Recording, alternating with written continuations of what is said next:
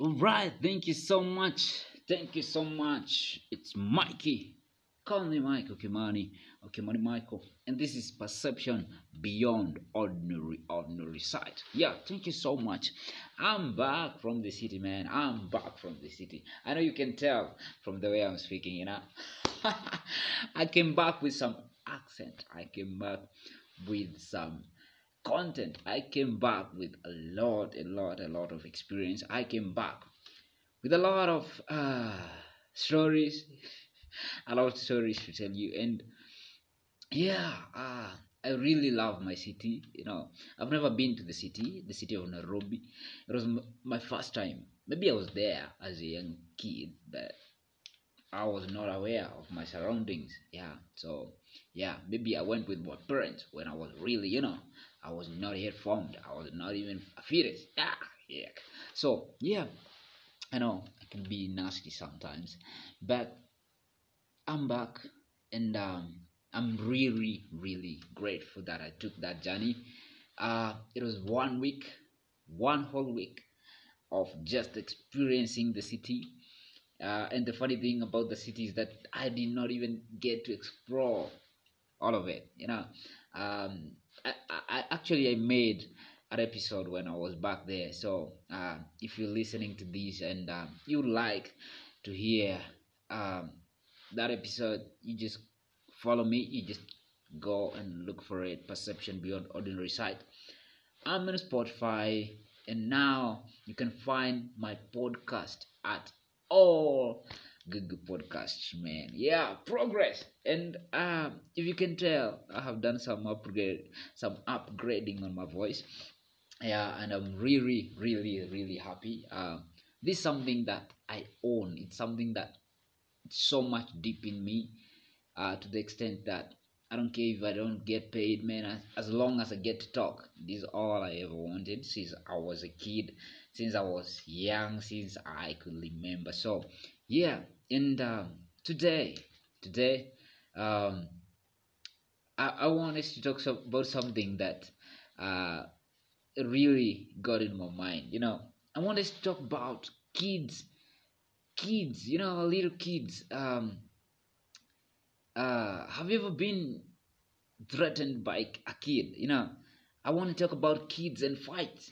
You know, when I was in the city, uh, among between the so many things that happened, is that I got to observe the kids there uh, because I I was in a certain uh, place uh, called Kayole, and uh, there's a lot of people, man. There is a lot of people. Wow, yeah.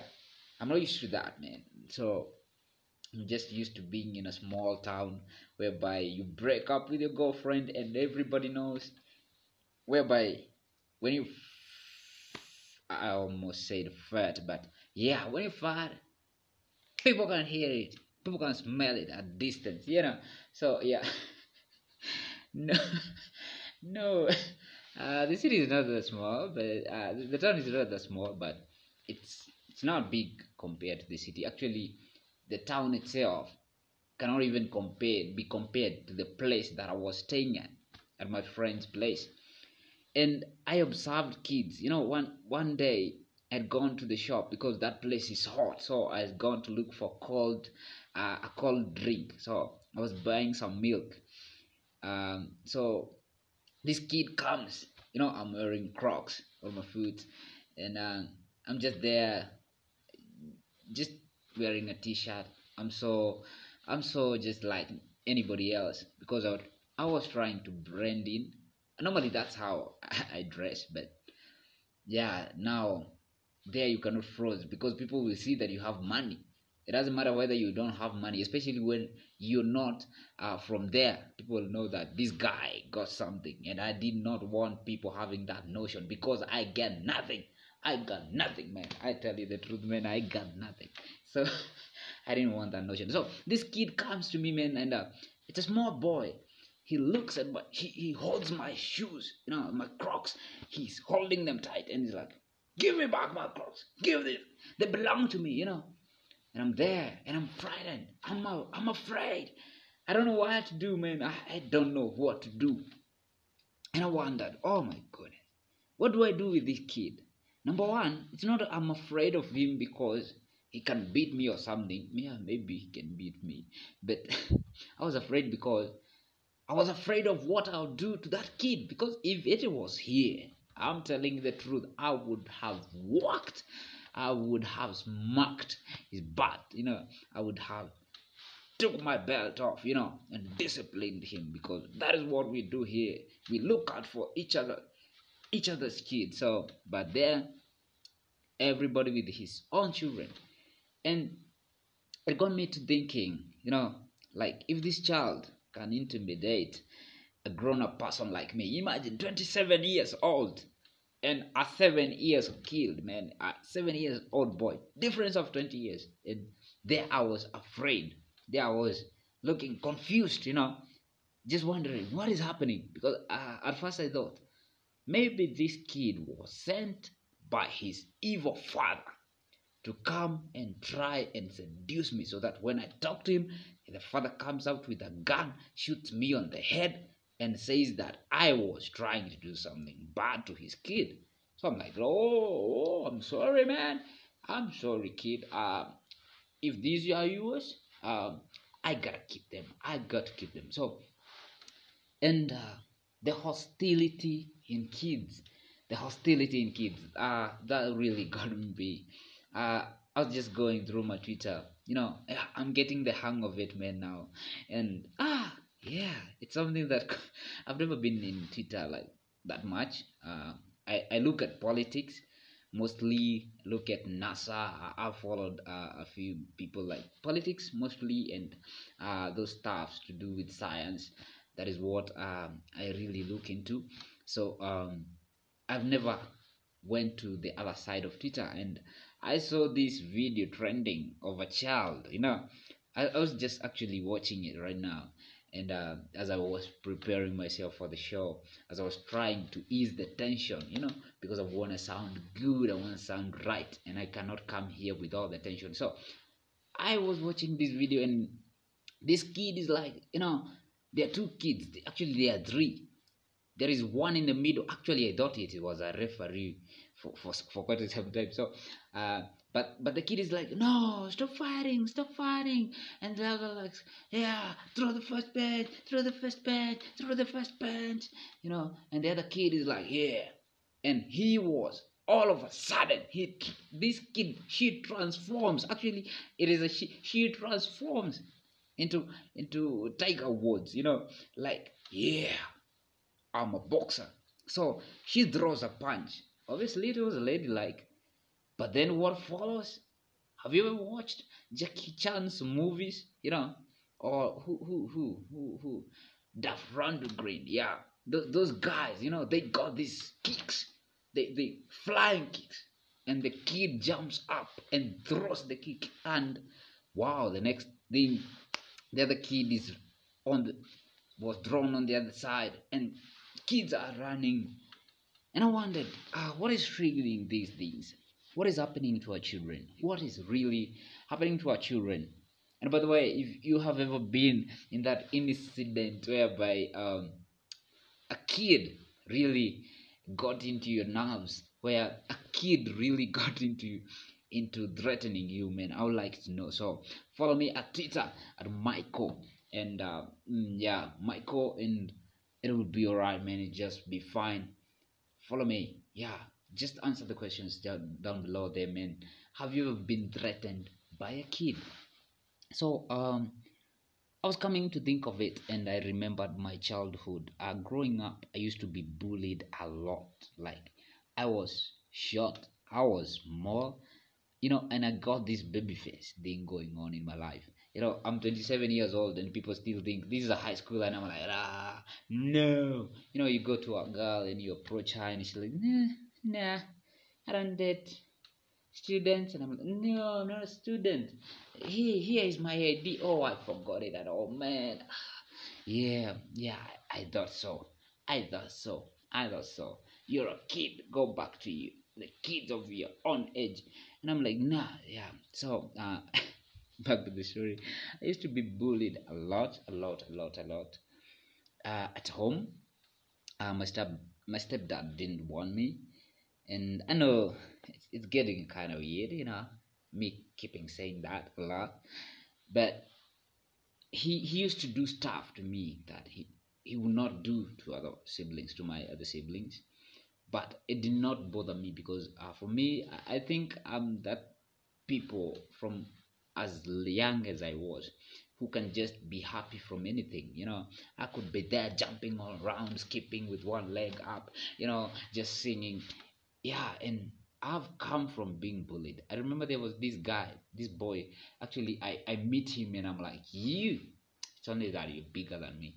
I could have, you know, but yeah, I know, I know. Even now, he he can beat the shit out of me. So I, I do not dare to confront him in that way. Yeah, unless I have a gun. Yeah, so if I buy a gun, maybe I can confront him. But back then, um, actually, I've not seen him for quite some time. I've not seen him for quite some time. But back then, um, he would see me. You know, he's big, he's tall. There are those boys. He's 13 years, but he looks like he's 16. So he's tall. He's puberty already. Everything. The voice has changed. You know, he is even even he, he has the hair thing, the puberty hair thing going on. You know, so there I was carrying my my flour. You know, the the maize flour had been sent to the uh, shop, the maize miller shop. So um and I was going back home and I had spared some change, so I had bought some mandazis, yeah, some some little cakes. So I was buying them. They, they are called ngumus. They're very they're very hard, by the way. I've not eaten a ngumu for quite some time. uh, maybe they stopped making the quality, the best quality that I used to love, but I've not made it. I've not eaten them. They're they're cakes, but they are so hard. You have to have those hard teeth. So there was. You know, yeah, I'm going home. Yeah, singing, singing, singing, singing, shouting all the way. And uh, this kid sees me from a distance. Like, I, I guess he was like 200 meters away. And he runs after me. He was looking after uh, the cattle. He comes running. So I'm running. You can imagine. It's like it's like it's like a Ferrari that has um, track wheels. Now those those wheels that are so big, and the same speed that it goes with. Now imagine it with those big wheels. So you can imagine the speed. It's probably going twice or even thrice the speed. So you could the speed is there, and it's the wheels are big. Now imagine a GP a, a GP car, you know, those ones of those, those really small cars, you know. I don't even know how people fit in those, but yeah, since they do, uh, I enjoy watching them. So yeah, and you now you can imagine. So obviously there was no way I could outrun him. Within a blink of a second, I, I see him in front of me, man. He's like, you know what, boy? Give me that. I want that. It's mine. And I'm like, nah, it's not yours. So he catches me, and takes the ngumus and runs with them. So I felt really, really bad. So I don't know what leads to kids being hostile. I really don't understand because I'm not a professional on these matters and on on these issues. But they say that in psychology that most of the actions that kids take it is a reflection of what they are going through in life. Yeah so are we really subjecting our kids to the right kind of attitude? Are we subjecting them to riot and chaos such that it's coming out? You know for a kid let's say for example you're one of those people who does not like giving or sharing things with people. So visitors come in, in, into your home you know the kid will just come running to you. Mommy mommy you know what? Yeah. Yeah baby yeah. I want i want some pizza. No we don't. Yes there is you do get under the bed. And i'm like yeah. That that kids you know they don't know how to hide things because they lack something that's called they lack this thing called name um, um, emotional intelligence. So they just do things when they feel like doing them. And about our children uh, what can really be done? You know is is our children going rogue or is it that the parents have already gone rogue them themselves? Because if kids you know they, they really reflect they mirror what they see and for them they cannot hide it. So if they see violence at home if that's how they are treated at home if that's how they see uh, people doing things at home they probably will do that. Another thing the, the the social media you know how to to which extent are our children supposed to be exposed to, to social media? Because i feel like uh, even this social media thing even for us even the grown-ups you know you watch a Jet Li movie and now you feel like yeah i can beat the whole town. I saw him do it. So you you start imagining yourself carrying a bamboo stick you know beating everybody in the village even the elders. Yeah. And it doesn't work like that. Trust me man. I, I once tried to someone was bigger than me man i ended up having a black eye. This guy punched me once just once. And i was like whoa is it dark in here? Oh where am i? Who am i? What's my name? And yeah i thought that i could uh, transfer what i had learned from the movies into real life. Although back then there was no not much movie that I could watch because at home we didn't have a television. But I used to hear the kids speak and say things and about the wrestling. You know, back then that's what that was the only thing that kids were subjected to. But today, real movie violence. I know that in the movies they have made it. It is just acting, but sometimes it's so real and uh, something that can be connected to even emotionally. So, to what extent are we supposed to subject our kids to, to social media? You know, should we regulate it or should we just let them go out there, figure out things for yourself? You should just go watch. If you want to go and be a Jet Li, you just go and be a Jet Li. So, how are we supposed to go on with this? Because trust me, this is what I believe that if kids continue being like this, there is a, a proverb that goes in, in where um, where I come from, and they say that a tree is only made straight when it's young. When it, it grows old, you cannot unbend it. Like you know, when a tree is growing up and then it's bending, you can always make it stand straight. But when it's already grown, it's 10 years old, it's stiff, it cannot grow you you cannot unbend it. It is not even possible. It is so hard. Unless it is among the rare breeds of trees which does not happen regularly. Uh, maybe unless you're ready to wait unless you are ready to test with your children to see if they are the rare breed.